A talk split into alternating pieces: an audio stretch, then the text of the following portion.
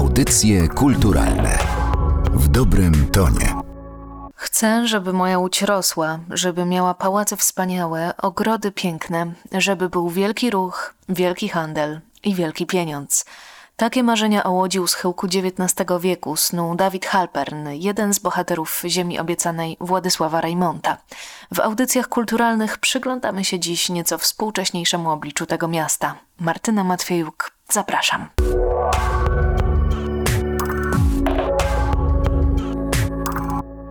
Moimi Państwa gośćmi są reportażyści Wojciech Górecki i Bartosz Józefiak, autorzy książki Łódź, miasto po przejściach, która ukazała się niedawno nakładem wydawnictwa Czarne. Dzień dobry. Dzień dobry. Zacznijmy proszę od samego pomysłu na tę publikację, bo jest to swoisty eksperyment literacki, będący zbiorem reportaży pisanych przez dwudziestokilkulatka, który obserwuje zmieniającą się tkankę miasta i jego mieszkańców. Tyle, że z jednej strony są to reportaże z lat 90. autorstwa Wojciecha Góreckiego, a z drugiej współczesne prace Bartosza Józefiaka.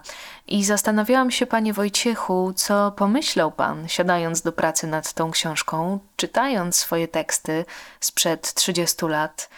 Jak wyglądałyby też te reportaże, gdyby pisał pan o Łodzi dzisiaj? Te reportaże się zestarzały. One są napisane językiem, jakim dzisiaj już się reportaży nie pisze. One bardzo mocno są osadzone w latach 90. I gdybym ja miał je dzisiaj pisać, to bym je napisał całkiem inaczej, ale ponieważ nie zajmuję się od wielu, wielu lat łodzią, Łódź mi jest bardzo bliska, bo stamtąd pochodzę, tam mieszkają moi rodzice, tam kończyłem szkołę, czuję się łodzianinem, mimo że już od wielu lat mieszkam w Warszawie, no to chciałem jakoś te teksty przypomnieć i tutaj pomysłem okazało się, tak nam się wydaje, zderzenie ich z tekstami współczesnymi, żeby pokazać drogę, którą Łódź przeszła. I być może należałoby coś pomajstrować, mówiąc brzydko, przy tych moich starych tekstach, natomiast wtedy straciłoby się autentyczność. Ja chciałem pokazać, jak się też wtedy pisało Łodź, nie tylko jak, jak wtedy Łódź wyglądała okiem właśnie dwudziestokilkulatka, ale jak się ten dwudziestokilkulatek ówczesny, jak o tej Łodzi pisał i skonfrontować to no, z młodym człowiekiem, który pisze o tej Łodzi mm, teraz. Dlatego to jest taki podwójny eksperyment, bo zawsze jak jest dwóch autorów, to jest eksperyment, bo to jest zderzenie dwóch punktów widzenia.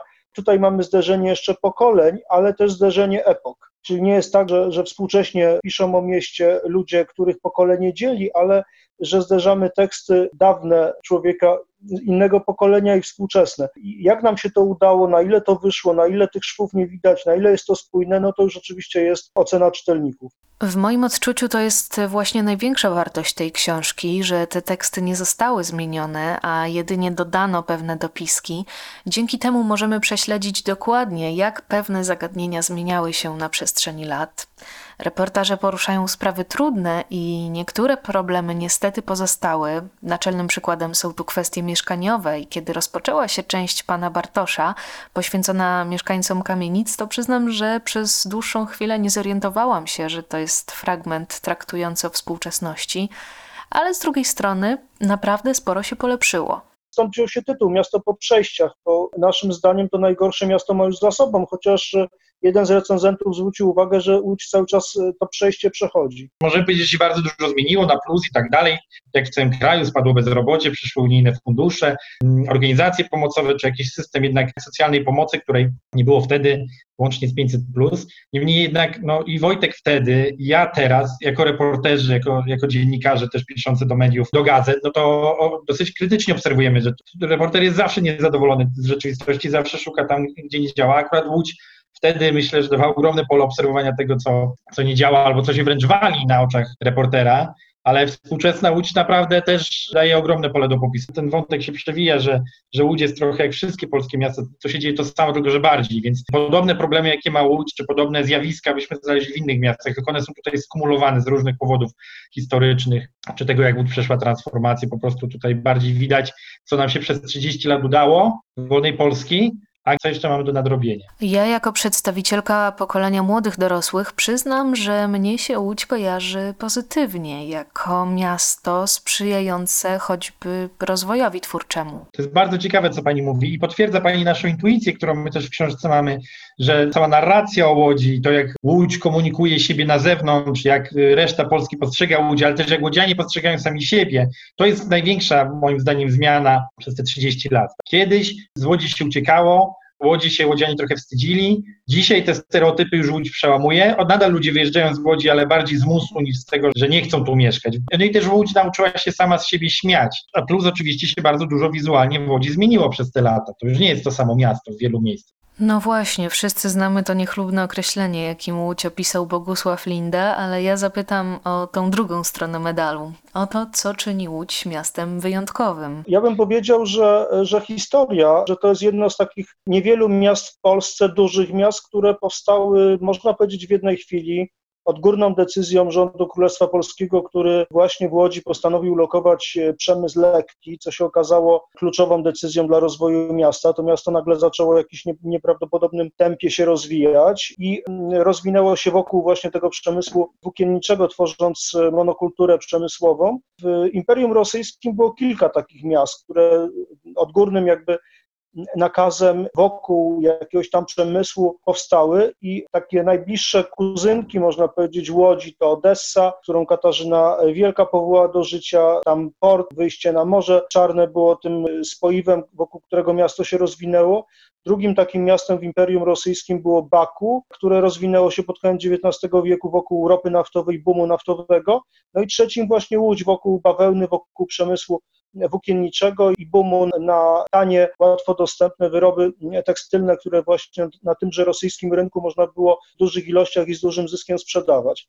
I co jest cechą charakterystyczną, to to, że każde z tych trzech miast wykreowały postać swojego mieszczanina, osoby, dla której stosunek do miasta, czy właśnie lokalny patriotyzm, być może o czym mówimy dzisiaj, to przywiązanie do miasta to jest echo tamtych czasów, było ważniejsze niż narodowość, religia czy przynależność klasowa dlatego że każde z tych trzech miast, o których mówię, to były miasta wielokulturowe, wielonarodowościowe, z dużą domieszką ludności żydowskiej w przypadku y, wszystkich trzech miast, najbardziej Odesy i Łodzi, muzułmańskiej w przypadku Baku, ale również, y, nie wiem, burmistrzami Odesy byli ludzie z y, zachodniej Europy, Francuzi, więc powstało takie określenie w Odesie Odesita, Odesit, które oznaczało właśnie patriotę odeskiego, mieszczanina odeskiego, Bakiniec, e, Bakijczyk, e, jeśli chodzi o Baku i Lodzermensch, jeśli chodzi o, o Łódź. Lodzermensch posługiwał się Lodzerdeutschem, łódzką odmianą niemieckiego. Odesita i Bakiniec posługiwali się rosyjskim, e, natomiast to są określenia, które nie, nie są tożsame z określeniem po prostu typu warszawianin, krakowianin, krakowiak, warszawiak, dlatego że niosą ze sobą właśnie tą historię miasta i tą miejskość jako, jako główną cechę konstytuującą tą, tą, osobę. Czyli ja bym powiedział, że to jest takie miasto, które tworzyła historia, pewien przypadek, że akurat ta decyzja o usytuowaniu przemysłu włókienniczego w Łodzi się okazała tak kluczowa, no bo w innych miastach też ten przemysł powstawał, one się nie rozwinęły. Pewien moment historii i to, że Łódź, która ma dość długą przeszłość, bo prawa miejskie w 1423 roku uzyskała, ale przez wiele, wiele lat była senną, zapomnianą mieściną i nagle wystrzeliła właśnie po tym, jak ten przemysł w Łodzi został lukowany, osiągając niewiarygodny rozmiar 600 tysięcy mieszkańców przed I wojną światową. No więc myślę, że to wyróżnia Łódź, bo potem oczywiście można mówić o, o przemyśle filmowym, o tej Łodzi artystycznej, o czym Pani wspomniała, o wielu różnych rzeczach, ale myślę, że tutaj kluczową rolę odgrywa historia i pamięć tego ośrodka właśnie, który powstał w taki sposób, jaki powstał. Ja bym tutaj dodał, w XIX wieku byśmy tak samo mogli wymienić Chicago, albo Nowy Jork, albo Londyn, albo Manchester, tak? Łódź rozwijała się tak dynamicznie, Wojtek mówił o 600 tysięcy przed pierwszą wojną, ale jakbyśmy spojrzeli na wiek XIX, to było nawet 800 tysięcy, czy jeszcze więcej. Łódź pod względem przyrostu ludności, rozrastania się miasta była w czołówce miast na świecie. Jak się spojrzy na historię tych miast, ogromnych przemysłowych ośrodków, no to to jest niesamowite, jak one bliźniaczo się rozwijały w XIX wieku, po czym wiadomo, że Nowy Jork, Chicago, Londyn był stolicą, to jest jeszcze inaczej, pozmieniały swoje funkcje, więc jakby płynnie przeszły z tego etapu industrialnego w postindustrialny i teraz są nadal dynamicznymi ośrodkami, A jak Łódź z różnych tam historycznych powodów przespała ten moment, kiedy mogła odejść od monokultury, podtrzymywała tę monokulturę przemysłową jeszcze przez prawie cały XX wiek, co się nie mogło dobrze skończyć i się nie skończyło. I właśnie ten, no wszystko da się wyjaśnić historią, ale w Łodzi mnóstwo współczesnych problemów wyjaśnimy właśnie tą historią, na przykład stan kamienic, które y, budowano, ponieważ miasto tak dynamicznie rosło, no to budowano szybko. Przybywało robotników, więc budowano dla nich kamienice, ale na szybko, tanio, one już wtedy, kiedy powstawały, czyli pod koniec XIX wieku, ludzie mieszkają w Łodzi nadal w budynkach, które generalnego remontu nie przeszło od ponad 100 lat. One już wtedy, w momencie, kiedy powstawały, nie były przesadnie luksusowe, wręcz były substandardowe, to można sobie wyobrazić, w jakim są stanie teraz, prawda, po ponad 100 latach. Pan Wojciech wspomniał o Lodzermenszu, a ja zastanawiam się, jak wygląda dzisiaj wątek lokalnej świadomości czy tożsamości, no bo z jednej strony mamy mit tych wielkich fabrykantów, zresztą jest też reportaż z lat 90. o hucznym i ciepłym powitaniu potomka Karola Scheiblera, który zawitał do Łodzi po ale z drugiej strony Przeważającą część społeczeństwa stanowiła jednak klasa robotnicza. Jak współcześni łodzianie myślą o sobie i swojej historii? Y, właśnie to jest bardzo ciekawe, bo Łódź jest dumna z tej historii fabrykanckiej, bo właśnie mamy na przykład nowe ulice, które powstały wokół dworca fabrycznego, no to one mają nazwiska fabrykantów, prawda? Albo mamy pięknie odnowiony pałac Poznańskiego w centrum, albo mniejsze różne pałace, które też były jakby objęte ochroną konserwatorską.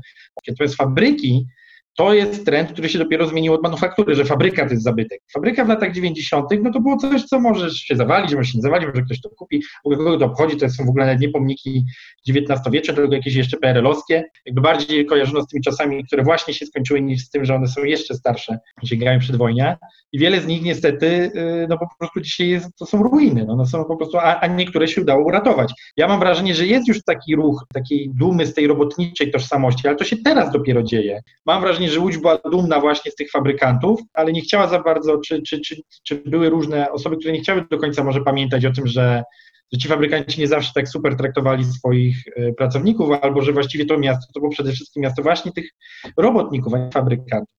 Ja myślę, że e, to się też trochę zmieniło przez ostatnie 30 lat. W epoce takiego dzikiego kapitalizmu początku lat 90 e, te nazwiska wielkich łódzkich e, przedsiębiorców, jak właśnie Scheiblerowie, jak Gromanowie, jak Gejerowie, więcej chyba mówiły niż, e, niż teraz, bardziej właśnie odpowiadały tamtym czasom tego właśnie zrywu e, kapitalistycznego, jednocześnie połączonego z ogromną tragedią miasta, stąpnięciem spowodowanym upadkiem. No, całego całego miasta, no bo przemysł włókienniczy to była Łódź. Teraz myślę, ta pamięć oczywiście y, jest, ale ona już jest taka bardziej muzealna właśnie, utrwalić w nazwie ulicy, czy tablicę, czy ławeczkę fabrykantów w postaci takiej rzeźby. Myślę, że właśnie bardziej się z kolei docenia tego bohatera zbiorowego. Jeszcze dodam, że Ewa Burzałek, taka aktywistka miejska, która prowadzi łódzki szlak kobiet, no to ona właśnie podkreśla, że ponieważ zakłady upadły, to ta pamięć nawet instytucjonalna nie przetrwała, chociażby z czasów PRL-u, tak? Czyli na przykład MZK czy, czy stocznie, pamięć o różnych strajkach tam obecnych jest silniejsza, a dlatego, że te zakłady mm, jeszcze funkcjonują, no b dlatego, że łatwiej pamiętamy od tych zakładów, w których było więcej mężczyzn, albo w których te strajki były bardziej żywiołowe, a włókniarki, po pierwsze te zakłady upadły, więc nawet przez, przez lata dopiero je trzeba było wyłuskiwać, żeby zebrać ich historię. Po drugie włókniarki, też mówię, bo wiem po mojej babci, chociaż strajkowały, walczyły i udało im się nawet wywalczyć różne rzeczy, to, to raczej właśnie no nie były, nie miały aż tyle przestrzeni, żeby się zająć aktywnością polityczno-opozycyjną, bo na głowie oprócz strajkowania i pracy w zakładach miały też przygotowanie obiadu, opiekę nad dziećmi i utrzymanie swojego domu. Nikt ich z tych obowiązków nie zwalniał, jednocześnie strajkując. Mhm. A co wobec tego dla panów prywatnie jest dzisiaj symbolem Łodzi? Dla mnie paradoksalnie cmentarze dlatego że y, ja się jeszcze wychowałem w, resztkach wielokulturowej Łodzi. Moja babcia z kolei używała rusycyzmów, y, bo chodziła jeszcze do rosyjskiej szkoły, rocznik 902. Y, Na tornister mówiła raniec, potrafiła całkiem nieźle jeszcze pod koniec życia mówić po rosyjsku.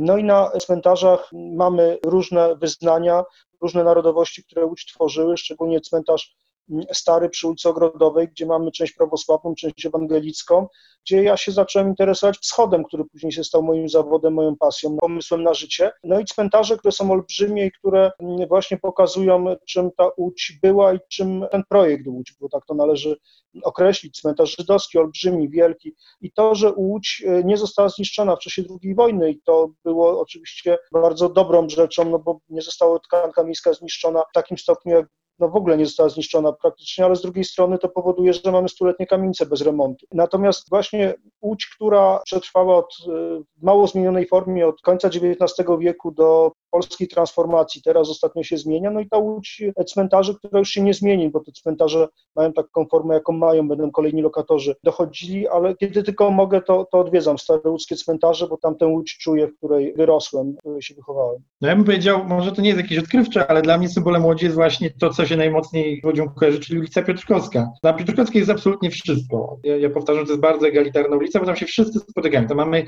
kamienice tak przepiękne, że turyści oglądają z rozdziawionymi albo nowe pomysły na przyciągnięcie turystów, na przykład pasaż róży, albo takie kamienice, które od frontu są fantastyczne, a wchodzi się w podwórko i tam dopiero widać te tragedie, tylko trzeba wejść w podwórko. Mamy jakieś hipsterskie knajpy, obok mamy kebaba i żabkę i ktoś tam pije w bramie, a ktoś tam je gruzińskie danie, a ktoś je pizzę i to wszystko się dzieje w jednej przestrzeni, bardzo demokratycznej i w piątkowe, sobotnie wieczory się cała Łódź spotyka w jednym miejscu. I taka właśnie dla mnie jest Łódź jak ta ulica. O Łodzi wielowątkowej i o jej zmieniającym się obliczu opowiadali w audycjach kulturalnych Wojciech Górecki i Bartosz Józefiak. Zapraszamy do lektury ich wspólnej książki Łódź, miasto po przejściach. Tam znajdą Państwo wiele obserwacji tego miejsca z ostatnich trzech dekad.